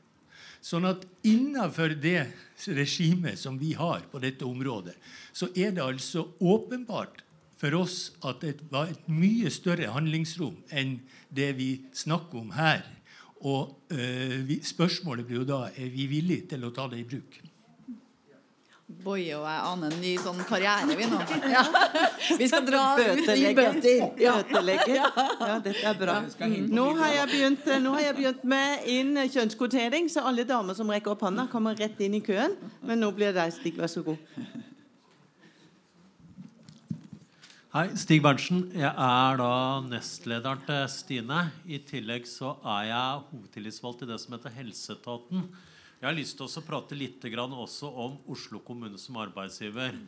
Det er greit som du sa at ikke alt kan drives av det offentlige, men jeg tror uh, at du skjønte at godt at Stine ikke prata om byggebransjen når det blei et tema. Uh, jeg jobber i en bransje, er fra en bransje hvor nesten 50% jobber deltid. Oslo kommune har tusenvis av folk, arbeidende fattig, uten stillinger å leve av. Uh, hvis jeg ikke tar riktig feil nå, siden de gamle rammeavtalene med bemanningsbransjen gikk ut i januar, så har dere enten tatt ut opsjon eller fornya dem nå. Eh, Rødt hadde riktignok et forslag i bystyret om å avvikle bemanningsbransjen. De fikk ingen andres eh, stemmer. Jeg er bl.a. tillitsvalgt for en del renholdere. Eh, renholdet på legevakta, f.eks. For, for ti år siden så møtte opp de en gang i uka og fikk tildelt sine vakter for kommende uke. Ingen faste ansatte. For to år sia så Det har endra seg litt siden det, men så seint som for to år sia krevde vi fast stilling for en som jobba 100% i praksis, hadde gjort det i flere år. Hun fikk tilbud fra helsestaten på 0,53% stilling. 0,53% stilling. Sånn at Det var eh, ikke en feilstavelse på halv stilling. Det var 0,53 0,53 stilling. Vi ble, ja. Men sånn at utfordringa blir litt Du kan godt være litt konkret hvor de grensene faktisk går på hva som skal drives av det offentlige.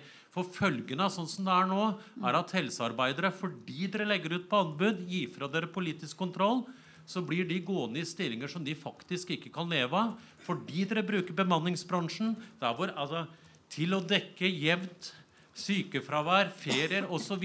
som kunne gitt våre medlemmer stillinger å leve av, så velger man aktivt å hente inn private leverandører for å ta den jobben, sånn at våre medlemmer faktisk ikke får faste stillinger. Takk. Da tror jeg vi tar en liten runde. Maria har lyst til å si noe. Kanskje dere har lyst til å si litt, og så går vi videre på lista. Det er alltid så vanskelig når man får inntegning på masse spørsmål. Om jeg skal liksom gå gjennom alle, sånn at alle som har stilt spørsmål, får et svar. Eh, det kan bli litt kjedelig for alle å høre på, men jeg skal prøve likevel så godt jeg kan. Eh, på det med lærlinger, så det syns jeg var interessant å høre. Jeg kunne egentlig gjerne snakka mer med deg om det. Det ligger jo litt utafor mitt ansvarsområde. Det er jo egentlig Inge Marte som har ansvar for det med lærlingplasser og hele den eh, delen. Jeg har i hvert fall hørt at vi nå flere lærlinger får lærlingplasser. Eh, og det er en positiv trend, så det er i hvert fall én ting. Men eh, å kunne se nærmere på om man kan stille mer krav innenfor Oslo-modellen, kunne vært ganske interessant. Så det kan jeg ta en prat om etterpå. Um, og så er det jo hyggelig å høre da, at det er noen som syns at Oslo-modellen er bra også. Uh, og jeg tenker jo liksom at dette her er en start. Uh, og vi må bare jobbe veldig mye mer med den, fordi det er ganske mye som gjenstår. Um, og så er det jo gøy da når jeg hører at en del av de store anbudene som har vært de siste årene, de har jo egentlig ikke endt opp med å koste så veldig mye mer. Og det betyr at her kan man jo bare skru på enda mer. ikke sant? Fordi uh, det viser seg at det er ikke det som egentlig er helt utslagsgivende for pris. Det viser seg at de seriøse aktørene kan antakeligvis konkurrere ganske godt på pris også. Så um, Eller så kan det være at det betyr at vi ikke har skrudd til skrua nok. Men det er liksom til nå så har det ikke kosta så mye mer, så det gjør at man kan liksom vurdere utvidelser. Og det er litt viktig at vi bare husker på. Og så er det jo også sånn at I privat sektor så er det jo ikke sånn at pris er det eneste kravet når man velger en leverandør. Eh, og Sånn har det liksom blitt litt når man har et anbud fra det offentlige. At man bare konkurrerer på pris. Og det er jo egentlig helt vanvittig.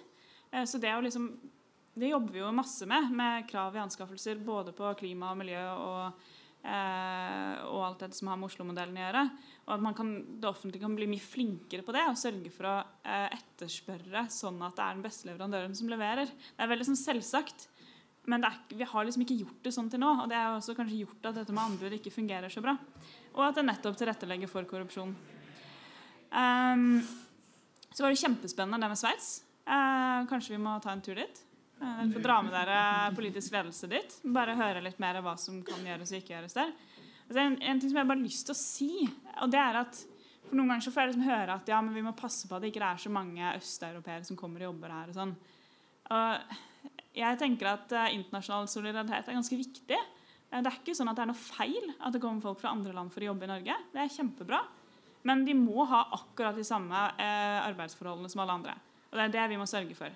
Og, så? Og, det, vi, ja? Og, og det betyr også at dette her med å Det er en jobb for LO da, og andre, andre fagforeninger å sørge for å nå til alle de personene som kommer hit og kanskje jobber bare en, en kort periode, men likevel at de forstår det er veldig bra.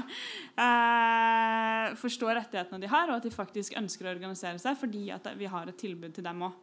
Så det tenker jeg er kjempeviktig. Og det, nå skal jeg ikke snakke meg helt bort, men siste poenget der det er også viktig for oss politikere. fordi Vi må jo kunne ha noen organisasjoner å snakke med som faktisk representerer de arbeiderne som jobber for oss.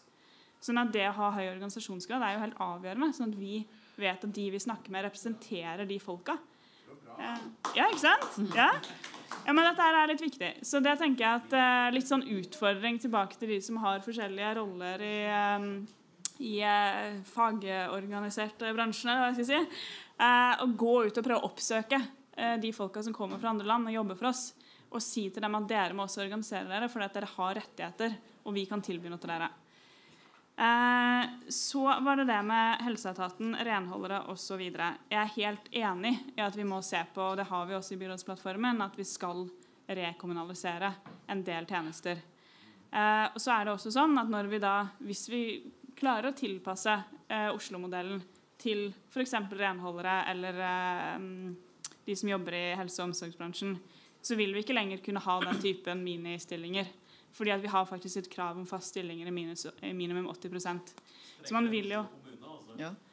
Mm. Jo, men de er jo da eh, leverandører som er Ja, det er for så vidt også et poeng, da. Ja, det er et poeng. Uh, ja. et stort og der uh, sier vi jo også at vi ønsker at alle som jobber i Oslo kommune, som ønsker heltid, skal få tilbud om det. Men det er også en jobb ikke sant, å klare å gjøre om alle de stillingsbrøkene. Så det har vi jo en egen, et eget prosjekt på, uh, som jeg håper at vi begynner å få resultater av etter hvert. De har ikke vært så veldig gode til nå. Um, så ja, Oslo-modellen vil, eh, når vi utvider den til andre bransjer, vil jo bøte på en del av de utfordringene dere har belyst. Og så tror jeg kanskje vi ikke skal ta hele den der eh, privatisering eh, versus offentlig debatten i dag. Vi kan gjerne stille på den neste gang. OK. Takk. Det var nå nok for Jeg har lyst til, Før jeg gir noe Stine og så Bøye etterpå, så har jeg bare lyst til å si tre ting. Det ene det er jo det at når vi snakker om Oslo-modellen her, så er det jo ikke fordi at alt skal være offentlig. Mm. Sånn, så bare sånn at ikke, så, for det blir gjerne litt sånn myter at med en gang man går inn og snakker om dette, så er det som om alt skal være offentlig. Det andre er jo at veldig mange av de som sitter her, er jo i fagforbund, og da kommer det da eh, historien eh, til gode her, er jo fagforbund som nettopp har jobbet med sosial dumping for å mm. sikre lønns- og arbeidsbetingelser for utenlandske, ikke for at ikke vi skal ha mm. utenlandske. Og så har jeg lyst til å bare nevne det tredje, det var litt i forhold til det med lærlinger, og det som Boje sier, og det er jo hvis ikke fagforeningene og de som skal følge opp lærlingen, får tilgang, så, eh, så hjelper det lite. Så jeg tenker vel at en av kontraktkravene kan være at det skal faktisk være mulig for fagforeninger å komme inn og verve og se etter det osv. Så, videre, så ta med dere den biten. Men kan jeg bare, unnskyld, kan jeg bare spørre, Er det virkelig sånn at dere kan nektes å komme inn på anleggsplasser? Ja, det gjelder folk som ikke har HMS-kort. Ja. ja, ikke sant? Du må ha eget HMS-kort for å få lov å komme inn. Ja. Ja, ja. Ikke sant? Og det er riktig. Ja. Så der må man finne en eller annen løsning, da. Men jeg tenker jo det må jo være åpen altså, synlig At man skal kunne komme inn og kontrollere disse tingene. Ja, det er greit. Da, men nå skal Stine, og så tenker jeg Bøye også få svare på noe av det andre som er i spørsmål. Ja, Stine? Jeg vet at det er forskjell på forretning og forvaltning. Jeg vet at det er forskjell på hvem som skal drive tjenester, og at Oslo-modellen stiller krav til private aktører. Samtidig så er jeg liksom opptatt av, når man snakker om stadig vekk utvidelse av Oslo-modellen, hvordan er det Oslo kommune opptrer som arbeidsgiver, og hvordan er det man hindrer at private skal drive kjernevirksomhet til kommunen selv. Altså Hvordan er det man går inn og sørger for, som man også lovt i valgkampen, kanskje ikke ditt parti, men et par andre partier som du sitter og styrer sammen med, lovt hvordan er det man skal ta tjenester tilbake. ikke sant? Sånn at Derfor er det jo et poeng når bemanningsbransjen fortrenger ansatte. Ikke sant? For det er jo det som skjer.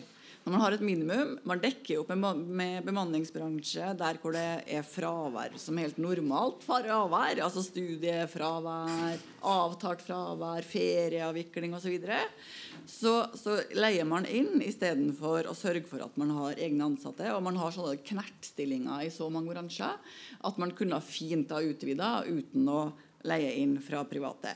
Og så er det sånn at i 2015, da vi fikk et uh, nytt rød-grønt byråd, hurra, og det var stor oppstandelse og glede, så hadde man en rusanskaffelse.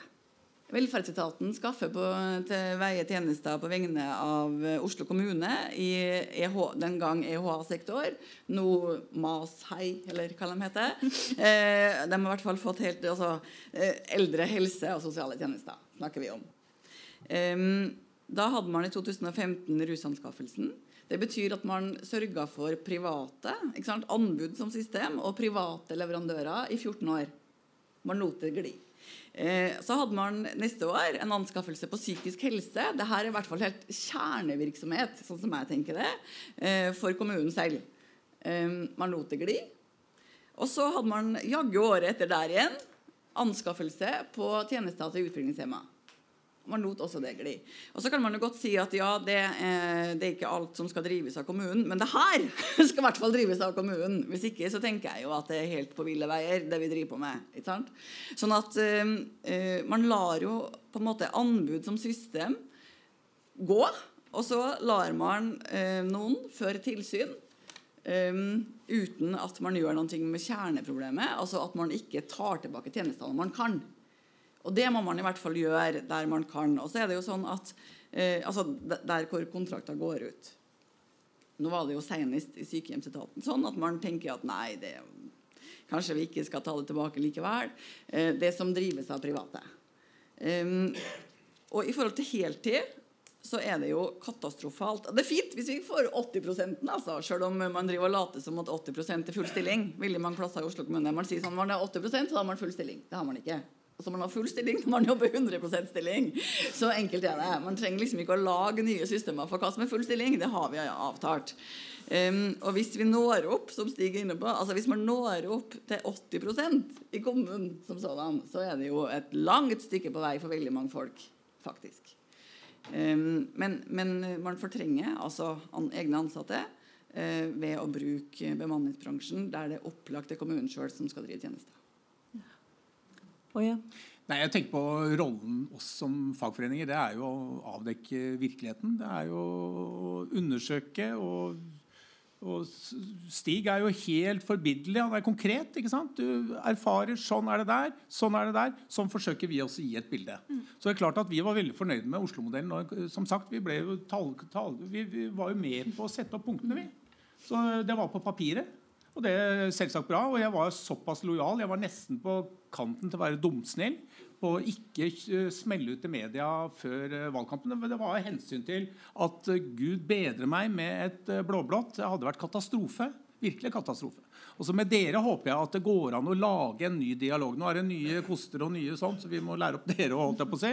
Det er jo, vi tenker stup, Men det gjør vi gjerne. Vi har rulla den steinen fra bånn og oppover før. Så det gjør vi med den største glede. Så, og Rune, så pingle du har blitt, da. Hæ? Altså, nei, nei, nei, poenget er Oslo-modellen på papiret er bra. Uh, lover og regler som vi har innført med faste ansettelser, er bra. Så er vår rolle at det er ikke bra når det er lovbrudd på uh, 15 lovbrudd på sånn er enig. Nei, nei, du må finne deg i dette her. For det nytter ikke å si at Oslo-modellen er bra når vi ser virkeligheten er noe annet, og at det ikke koster dem en damn shit. Og går det, så går det. Så Det betyr du må ha en jævlig klemme. Du må ha rapporter, du må klemme dem der hvor det gjør vondt. For eh, det er det du er nødt til. Og når de sier, disse her, de store entreprenørene Nei, eh, altså Håndverkskompani sier nei, de har fått godkjenning av Oslo kommune og driver akkurat slik og slik og slik. Da må vi gå til dere igjen og si nei. Dette er brudd på norsk lov. De kjører i 140 der hvor det er 80-sone. Og da må man også Det er derfor vi er veldig glad for ja, ja, ja, veldig glad for det. Den der, ja, nei, det bøtelen altså, det, var, det ville være lykke for slutten av et arbeidsliv å begynne å utstede bøter. Altså, den er altså, jeg er ikke på slutten. Du Nei. Ja, ja, det er begynnelsen på nei, ja. Men, men poenget er at det er, dette her er jo kontroll av hva som svir. Og da, altså jeg har også fått arbeidsgivere, til og med Coop, til å betale 3,5 millioner til spanske, utenlandske rørleggere. Men du må klemme på dem. Enorm klemme. De gjør ikke det for at de er snille, men det er fordi at dette er så mye oppstand osv. Så, videre. så det er det dette handler om. Og vi må bare konkretisere, konkretisere, konkretisere. Og så, har vi, så må jeg være litt sånn konstruktiv her når vi begynner å nærme oss. Og det er, som du har fått med deg, punkt én.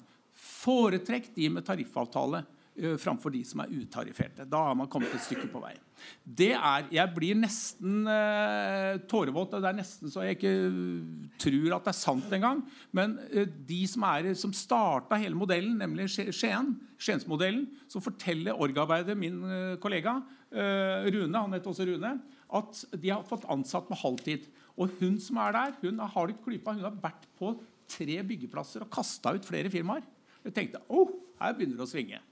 Og Stig eh, Hansen, som er, eh, sitter i Arbeiderpartiet i Sarpsborg forresten, og er en veldig dyktig tillitsvalgt, han forteller det at de skal nå få på heltid i Sarpsborg, som skal ha en oppgave å, å være politi. Altså nesten sånn ja, nesten sånn Roar, eh, det som er fra Sveits. Så det er målet. Hvis man får en feltarbeider som samarbeider med Fairplay, med, med, med Lars og med oss, og si her er det sånn, og her er det sånn og med dere. Ja, og Det betyr jo dere også må lage rapporter. og Hvor mye innleie er det der? Hvor mye er det sånn? Avdekke sånn? Sånn kan vi ikke ha det. Så det er hele tida å konkretisere virkeligheten. Og sånn at man får slått i hjel parolen 'går det, så går det'. Vi kjører 160, og vi kjører i 3 promille. Det er ingenting. Det går så bra, så. At vi får faktisk tatt det som er det. Så Den andre diskusjonen får vi ikke tid til å ta, men jeg må bare knytte noen få bemerkninger. LO hadde en rapport som var rett før vårt landsmøte, som var skikkelig og bra, som da forteller Her sitter Mirek der nede. Han er min kollega. Polsk. Han er en råtass ute, og han utfordrer eh, de som er på korttidsoppdrag, og sier at herregud, her, eh, dere må melde dere inn. Men det er et problem at du er på kort tid. Du har et mm. kort perspektiv i Norge. Så Det har ikke noe med solidaritet. Det har vært en sår diskusjon innad i Rødt, i SV, i fagbevegelsen. Vi har diskusjon om sånn og sånn. Det vi er enige om, er at vi prøver og prøver å organisere, organisere, organisere. Men det er så mange. Jeg var på i stedet jeg skulle vært på Oslo byggeplass og ha en fersk i dag, skjønner du, opp på Tåsenhjemmet. Men da var det jo samme grushaugen som det var for tre kvart år siden. Så jeg måtte gå på faktisk studentskipnaden istedenfor. Og der var Gråkallen. De gutta, de polske eh, ene hadde vært der 13 år. Han hadde opplevd streika. Og de andre, Men det var null respons for å melde seg. De tjente 250 kroner timen. Mirek, vi må ta de gråkallgutta. Og de er altså Nei, vi vil ikke bruke penger på dette her. Hvorfor skal vi bruke penger på dette her? Vi sender hele penga hjem. Nå har vi fått 250. Og, og på rørsida så er det faktisk bemanningsbransjen. De tjener 230-40-50. Noen tjener faktisk bedre enn den norske nå. Og det var helt annerledes enn for tre-fire år siden. Det er norsk lønn for rørleggerarbeidere i Norge nå. Det er parolen. Og der lå de 100 kroner under. Men de vil ikke melde seg inn, de fleste. Ja, det er et problem, og det er eh, pga. at du har kort tid. Du er pendler. De som da etablerer seg i Norge, har en helt annen motivasjon. Da vil du lære deg norsk, du har lyst til å ha et fagbrev, så du har en helt annet motiv. Det er sånn Europa har blitt. Det er 24 millioner fra Øst-Europa som pendler og drar vestover. Og det gjør at fagbevegelsen i hele Vest-Europa er nesten Det er på sånn organisasjonsgrad, og det er alvorlig. Kamerater. Takk, Boje. Vi tar en runde til.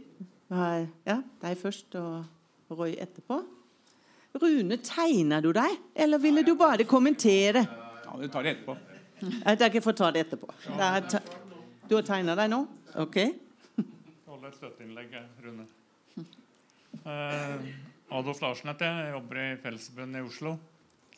Jeg var litt med på sammen med byrådet da modellen ble lagd. Og så Helene Bank viste det bildet fra Bjørvika da han ble åpna. Det skal jeg si at eh, LO og NO var ikke mye med da Oslo-modellen ble lagd. Mm. Det kan jeg si deg, bortsett fra på bildet. Eh, han som var med, han som sto der, Jon Sandnes fra byggenæringen, han var veldig mye med. Og han fikk veldig mye kjeft for at han var på bildet av NHO-sjefen. Først fikk han kjeft for at han hadde gått god for Oslo-modellen. Og så fikk han kjeft for at han hadde vært på bildet. For hvis LO-lederen var der, så skulle ikke Sandnes vært der. Men da skulle NHO-sjefen vært der. Så han fikk kjeft to ganger på kvelden. Men eh, LO og var ikke mye med. Men hvorfor Sandnes var med, det var jo fordi at han eh, hadde et eh, egeninteresse for å være der. For det var hans bedrifter som ble utkonkurrert. Og til delvis blir det fortsatt. Og så var Fellesforbundet med fordi vi ville ha best mulig vilkår for bygningsarbeidere i Oslo. Og så hadde vi to politiske grunner til å være med. Den ene var at det vi ville bevise, hvis jeg skal bevise, at det var mulig, skaffe, at det var mulig med et handlingsrom etter 18 eller 16 år med borgerlig byråd. Og det var ikke mye handlingsrom å spore hos disse byråkratene som hadde sittet i, i 16 år. i hvert fall før det kom noen politikere på banen som faktisk beviste at det var et handlingsrom. Og så hadde vi én politisk tanke til. Det var at eh, Vi var ikke med på Oslo-modellen for, for å kaste ut bedrifter. Vi var med på Oslo-modellen for å gjøre byggebransjen renslig. At de bedriftene som var der, skulle konkurrere på like vilkår. Vi var ikke med ut for å, at det skulle være umulig for bedrifter å konkurrere. Så er det sånn at det, vi også har eh, i ettertid etterspurt et strengere kontrollregime. Men eh, nå snakker ikke jeg for Fellesforbundet, jeg kan snakke for meg sjøl. Så har ikke jeg noe tro på at det, at det Hvis vi innfører noe som står i byrådserklæringa at de skal vurdere, krav om tariffavtale, så har ikke jeg noe tro på at det er eh, noen løsning. Når du ser hvordan, eh, hvor vanskelig det er å kontrollere det som er i dag, så vil det iallfall kreve mer enn én stilling hvis du skulle reise rundt og kontrollere alle de bedriftene hvis de skulle henge det kravet på tariffavtalen. Så kan jeg si litt av Boira. Vi skal ikke bli uvenner internt, selvfølgelig. At eh, Først så tar du litt mer rått og røter. Du tar med liksom private og litt, et par prosjekter som var før Oslo-modellen. Det er noe så. Men altså den 9% med organisasjon, den har ikke kommet liksom eh, Det har ikke blitt 9% organisasjonsdekning i Oslo på bygg fordi at det er Øst-Europa på kort tid. Den 9% har vært der ganske lenge. Han har iallfall vært under 15 i mange mange år. Og han går stadig nedover. og Han øker i hvert fall ikke. Så det er ikke noe nytt problem at det er vanskelig å organisere i byggebransjen. Takk. Oi. Da setter jeg strek under Oi, for vi må være ferdige her sånn til hold. Og jeg vil gjerne la gjengen her prate til slutt. Ja, Det passer fint, eh, Helene, for jeg må hjem og være barnevakt også. sånn er vi pensjonister. Eh, nei, Først litt til debatten. Altså, jeg støtter veldig at folk i byrådet tar en tur til Sveits, sånn som Roar tok opp. Må bare legge til da, at Sveits har jo en frihandelsavtale og er til medlem av EØS, men det er mye å lære der for det. Um, litt til debatten vår. Um, det er to ting som uh, er greit å oppklare. Det har aldri vært noe tvil om, verken der hvor uh, Boje jobber, eller i Oslo bygningsarbeiderforeninger, eller i andre foreninger som har vært i befatning med utenlandsk arbeidskraft, at vi står for en linje hvor vi skal organisere alle som jobber i Norge, helt uavhengig av nasjonalitet. Mm. Det som er hovedutfordringa, som Boje var innom, det er at når du er knytta til bemanningsbransjen på midlertidige vilkår, så gjør den jobben bli litt vanskeligere. Den er heller ikke knytta til eh, nasjonalitet. Altså Det er like vanskelig å organisere en, en eh, hva skal jeg si, nordmann i en bemanningsbransje eller en svenske som det er eh, f.eks. en fra Polen. Det er den midlertidighetskarakteren som lager den utfordringa. Det andre poenget som er litt viktig å, å, tenke gjennom, eller som er avklart da, i forhold til byggebransjen i Oslo og i landet, det er jo at lønna er allmenngjort. Det vil si, det er klarlagt i forhold til alle de som får oppdrag i Oslo kommune, hva som skal være minstelønna, i alle fall. Så den går det an å kontrollere. Og da beveger jeg meg litt over på en sånn situasjon som jeg syns er, eh, er, nå, som er, som er, da en stor utfordring og samtidig litt merkelig. Jeg oppfatter at det er ingen i salen og ingen i panelet som er imot Oslo-modellen. Vi alle syns det var et veldig viktig tiltak. Men samtidig så ser vi jo at det blir jo til etterlevd. Og da, da, er det litt mitt spørsmål Det går både til deg, Marie, og egentlig til Boje òg, da. Når det er dette systemet med HMS-reg, hvis det er det det heter, hva er det som gjør at når reglene er sånn som vi tenker oss det klare, og man sier man har et overvåkningssystem som kan kartlegge alle byggeplasser Oslo kommune har, og så kommer Boje og sier og dokumenterer, er mer riktig å si, at her foregår jo lovbrudd. Også etter at vi har innført modellen. Hva er det i dette overvåkningssystemet, da, for å kalle det det, som ikke fungerer? Boje og Marie. Og så til slutt, Hvis det er sånn at man er på jakt etter nye bransjer utafor i kommunen å gjøre noe med, så mener jeg jo denne bransjen som vi er i her, er viktig Ja. å kontrollere. Ja. Altså eh, restaurantbransjen. Denne bransjen, altså Dette etablissementet her har jo tariffavtale. Takket være oss. Men eh, poenget er at LOs ungdomspatrulje de hadde jo en runde i sommer og fant ut at rundt halvparten er lønna under allmenngjort tariffavtale for denne bransjen her, altså restaurantbransjen. Det mener jeg det er virkelig noe å ta i tur med. altså.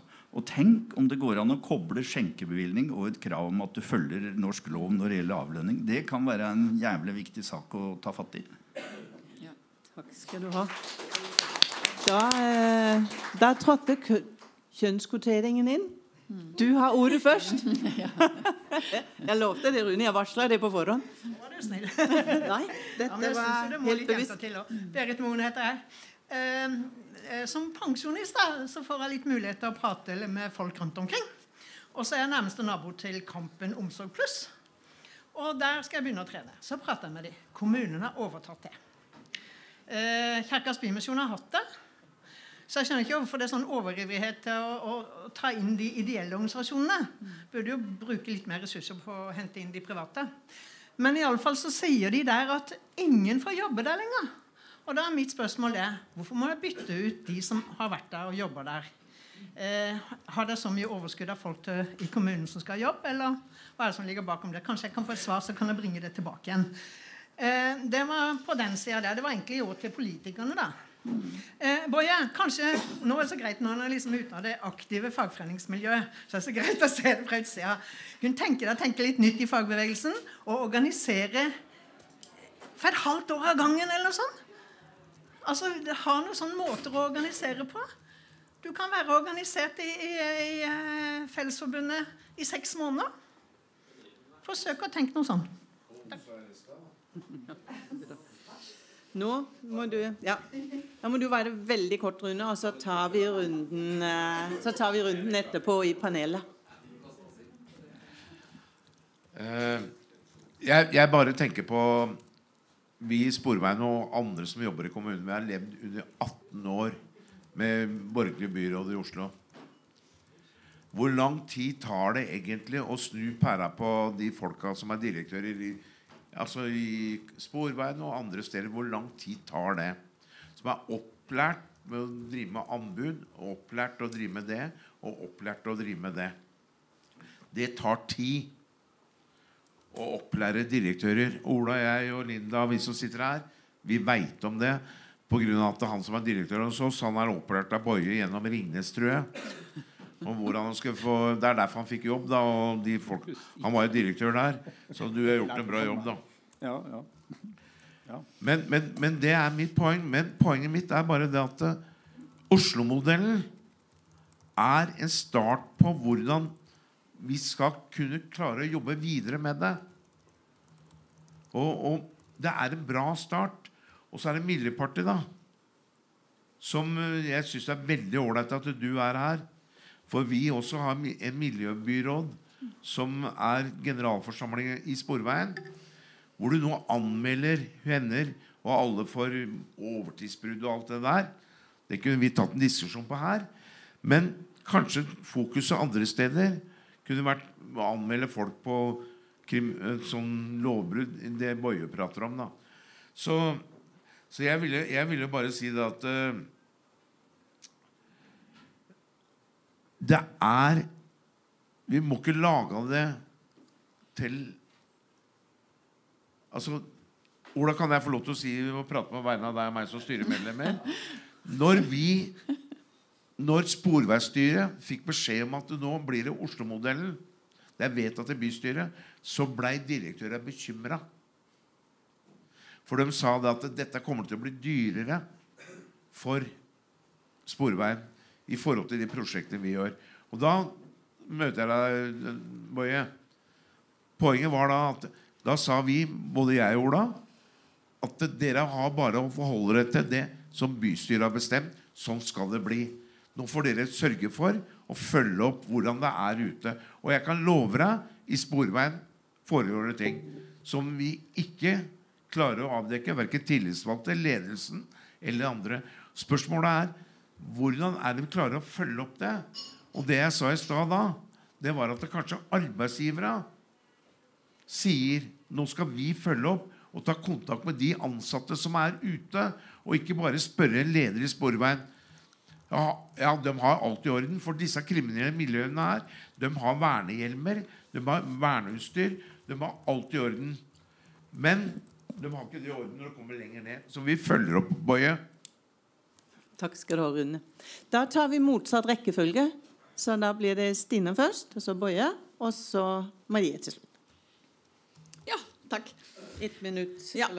Mm. Forhåpentligvis er det jo sånn at vi trenger Oslo-modellen eh, minst mulig innenfor min sektor. Fordi at vi tenker at det skal ikke være så eh, mange private aktører. Eh, men så er det jo sånn at vi har det, som jeg var innom i stad. Og da er det jo viktig for oss å være med på å utforme skal, hvordan skal man jobbe for seriøsitet i bransjen og hindre sosial dumping også innenfor den delen. Så det deltar vi gjerne um, i arbeidet med. Um, og så er det jo sånn at I foreninga som jeg leder, så har vi områder i kommunal sektor som har en organisasjonsgrad på opp mot 100 um, Blant annet i helseetaten, der Stig er hovedtillitsvalgt, så har vi på legevakta um, deler av legevakta en organisasjonsgrad som er mellom 97 og 100% organisasjonsgrad faktisk. Sånn at det går an å, å jobbe med det organiserte arbeidslivet. Eh, til det på Kampen eh, kamp, Nei, Omsorg pluss på Kampen. Jeg, ikke, jeg, kjenner ikke hva som har skjedd i forhold til om det har vært en virksomhetsoverdragelse i, i, forhold til de ansatte. Men, ja, men, hva som har skjedd i forhold til de ansatte eh, og overdragelse av det, det kjenner ikke jeg detaljer men det kan hende at politisk ledelse vet noe om. Men eh, i diskusjonen når vi har anbud som system, så er det vanskelig å legge merke til hvert fall hvordan man skal klare å skille på ideell og kommersiell sektor i hvordan man opererer. Um, sånn at um, Det er ikke nødvendigvis sånn at ideell sektor er noe mye snillere i arbeidsrettigheter enn kommersiell sektor, i hvert fall innenfor det feltet som jeg kjenner til. Um, ja, tror jeg nøyer meg med det. Mm. Ja, Maria?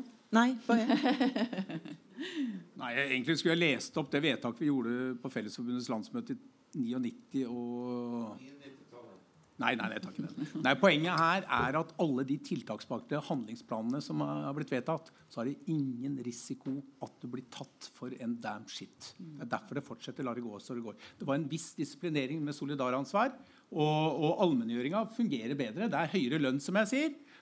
Hos mange det er mindre sånn 8, 10, 20 og 30 kroner timen. Så det er faktisk på mange steder norsk lønn for arbeidet i Norge for østeuropeerne. Så eh, Den lange debatten med, med Arne, uh, Adolf kan jeg ikke ta. Men det er 24 millioner som er dratt fra øst til vest. Og det inkluderer Ukraina, det hele Balkan, Moldova. Og hvis Du skal ta, du sier at jeg slenger hit og pine med forskjellige slags firmaer. Jeg kunne laga den lista. Den har du fått. Hvor det er helt konkrete tilfeller. Altså Jeg er da på For å være Årvoll flerbrukshall hvor det er Øst-Riv. Det er russiske moldovere som jobber der. Og de leier inn Øst-Riv fra Stolt bemanning, som også er, er, er, russiske moldovere. De drar bare til Romania og får ID-kort. Og det er ganske interessant hvis du ser på TV 2-avsløringa som de hadde, hvor folk bodde på, på brakker. Og så sa han, som har pakistansk bakgrunn, og hvor faren hans har eh, jobba som bare rakkeren på forskjellige slags jobber, han som er journalist i TV 2, så sier han de finner seg i det. Og han synes Det er helt utrolig. Og det, det, er ikke noe moralistisk i det hele tatt, men det er fordi det er som vi skulle jobba på Island og tjent 2713 eh, kroner timen. Du tjener så godt, og da finner du ting som ikke andre vil finne seg i. Og da har du løsarbeiderregimet, som er i hele Vest-Europa. I Norge så er det bemanningsbransjen. I Storbritannia så var det rumenerne i selvstendige så, såkalte self-made stillinger. Så dette her, løsarbeidssystemet er satt i system. og Det tar jo rotta på hele fagbevegelsen. Og det er ikke bra at det er fire millioner rumenere, de beste folka, som drar ut, og som enten pendlere drar til andre land eller Bulgaria. De blir snart bistandslag. Land. Og dette er ut fra et venstresideperspektiv. Er det sånn vi vil ha det? Og det er som han eh, polske rørleggeren sa, som jeg snakka med her eh, rett før jul. Må hjem til kone. Eh, vi ikke jobber i Norge lenger. Her vi snakker bare polsk på byggeplasser. Jeg hjem. Åh, må snakke russisk. Fordi det er ukrainere. Det er nesten mellom to og tre millioner ukrainere i, i Polen. Så dette her er jo et stort, svært uh, ideologisk spørsmål. Men hvis vi skal komme til landing, hvis vi får en stilling, eller flere stillinger Det er klart at vi skulle fått flere stillinger, men hvis det blir, uh, at det blir gjort noe med lovbrudd, uakseptabelt, da mister dere oppdrag. Da begynner de å bli like nervøse som direktørene dine. Altså, da, da, da blir det nervøsitet istedenfor nå er det helt og det er de som blir leid inn på de byggeplassene, de har jo 10 og 20 og 5 kontrakter alle sammen. Selv om Oslo kommune har mål om 80% Dette her, er, Du må skrape på overflaten og gå ned og snakke med folk. Og da er virkeligheten eh, noe helt annerledes enn det ser ut fra oventil. for å si det sånn. I tariffavtalen til Oslo kommune så står det at 100% er hovedregelen. Ja. ja. Ikke 80 Nei. Eh, takk, Boje. Marie? Ja. Jeg syns dette har vært en veldig spennende kveld. Veldig lærerik. Um, var veldig mange ting jeg kunne tenke meg å kommentere på nå på slutten. Uh, en ting som er litt sånn spark til alle fagorganiserte rundt der, eller alle som er tillitsvalgte i det systemet, da, eh, som jeg også er kjent på. Jeg må jo si jeg er medlem av Tekna, for jeg er sivilingeniør. Det er sikkert sånn forferdelig i dette rommet. Jeg vet ikke. jeg føler ofte når jeg snakker med Ap-folk, sånn, Nei, det er ikke bra nok. Det er ikke ekte. De synes det er helt ordentlig. Men det jeg skulle si, som jeg tenker også gjelder litt her, og som vi må tenke litt på sammen, er liksom hva kan vi tilby de som ikke eh, organiserer seg i dag? Og Det er ikke noe enkelt svar på det, men det er jo åpenbart noen bransjer som ikke føler at de får noe igjen for å organisere seg. Og Det er jo på en måte en utfordring både for oss politisk eh, og for organisasjonene og de som er fagorganisert. Så det er jo litt sånn eh, Kanskje det er noe vi også kan snakke om videre. da. Eh, er det noe vi kan gjøre med de virkemidlene vi har politisk eh, for at det skal bli mer attraktivt å være fagorganisert i de bransjene hvor det er en utfordring? Um, så tenker jeg litt det samme med de som velger yrkesfag. Altså, det er veldig fint at vi kan juble for at det er flere som eh, velger yrkesfag, og at det er flere som får lærlingplasser, men hva er det egentlig vi tilbyr dem når de skal ut i jobb? Eh, har vi liksom kontroll på at det er gode arbeidsplasser i framtida? Det er også noe som vi er nødt til å ta på alvor. Både, altså det gjør vi jo selvfølgelig, men liksom det er litt sånn til refleksjon. Eh, vi kan juble for at tallene går opp, men hva er det egentlig som venter dem der ute? Og hva kan vi gjøre for å forbedre situasjonen? I flere og flere bransjer. Um, og så er det jo litt sånn også til egen refleksjon at man ser jo da at faktisk i Oslo-modellen så stiller vi noen krav som ikke vi stiller til våre egne ansatte i Oslo kommune. Um, så det er jo også noe som vi er nødt til å jobbe med. Og der må jeg bare si at det, det har vært veldig mye fokus på dette med arbeidstid, eh, deltidsstillinger, eh, midlertidige ansettelser osv. Eh, det siste året. Det er noe som er kjempestort fokus på i byrådet. Det vet dere jo. Eh, og som vi jobber mye med. Vi jobber mye med opplæring. Det høres litt sånn eh, forsiktig ut, på en måte, men det er en utrolig viktig del av det. Fordi at kommunen er, eh, har mange virksomheter, og hver av de virksomhetene har mye delegert ansvar. Og det er å sørge for at alle de som er i lederposisjoner der, faktisk vet eh, hvilke regler som gjelder, er kjempeviktig. Men så jobber vi også med å prøve å se på bedre kontrollsystemer. For det er jo det som jeg er innom her hele tiden, at hvis vi skal sørge for at dette virker, så må mm. vi ha kontroll. Mm. Så det å prøve å forbedre kontrollsystemene der, det er veldig sånn teknisk. ikke sant? Men jeg kjenner til GATT og disse forskjellige systemene vi har for å registrere. Og bruke dem bedre, det er noe som vi ser på nå, om vi kan gjøre mer med. Um, og så håper jeg jo liksom at vi kan gjøre Oslo-modellen så bra. da. Nå vet vi at det er noen svakheter fortsatt, det har vi snakka mye om i dag. Men at vi kan videreutvikle den sånn at vi faktisk kan flå det til å bli en nasjonal modell etter hvert. Det må jo være målet. Vi må utvide til flere bransjer, og så må vi sørge for at det blir en nasjonal modell. Eh, sånn at eh, dette her blir Norgesmodellen, og som kanskje også kan inspirere ut, uh, utenfor Norges grenser. Så jeg håper jo, jeg synes dette har vært veldig lærerikt. Og kan jo også bare si at eh, det er meg dere tar kontakt med hvis dere har møte med byråden. Det er sikkert mange som ønsker det. Det er en del eh, som står på lista allerede. Ja. Eh, for dette her er jo noe vi har lyst til å diskutere. For vi er liksom litt i en sånn, Nå har vi lansert Oslo-modellen, vi har testa den noen år, nå skal vi utvide. Nå må vi liksom få inn alle de innspillene. Så vi vil gjerne snakke med de som har noe å si til oss. Ja, nå pekes det. Ja, ikke sant? Ja. Så um, jeg håper at vi kan jobbe sammen om dette her de neste årene. Og tusen takk for mange gode innspill. tusen takk for at dere har stilt opp her. Jeg eh, konstaterer jo da at eh, det kan jo være attraktivt for firmaer å ha tariffavtale for folk å ha det, hvis det er det som prioriteres i kontraktene. Mm. og hvis man følger opp at det faktisk ikke er lov å innleie uten. Så det er jo én ting. Og så tenkte jeg jo litt det med sanksjonene. Vi snakka om vikarbank, så ikke bemanningsbransjen undergraver de første ansatte i Oslo kommune. Mm. og så var jo tanken om Sveits å lage et råd for i forhold til de nye sektorer og sånne ting. Så det er ikke bare å reise med en gang. Det er ikke ta toget. Men, eh, men, eh, men det å faktisk eh, lage et råd òg for å se litt hvilke områder er det man går videre, og sørge for en reell deltakelse fra fagforeningenes side, tror jeg kan være lurt. Og så, og så er det jo litt det utfordringen som egentlig Rune ga også her. De der og Stig også. Nei, det var dette det med de der direktørene i etatene som har vært i 18 år i et høyrestyre. Vi må ikke bare anta vi må ikke bare anta, vi må ikke bare anta at de eh, tar signalet til at de må ha styring. Eh, så jeg takker alle for å ha kommet. Og så har jeg med til dere, med Ebba Wergeland, med Fare for liv og helse. Og de dere som har den fra før, eh, kan gi den videre som gave. Men i hvert fall tusen takk for innsatsen.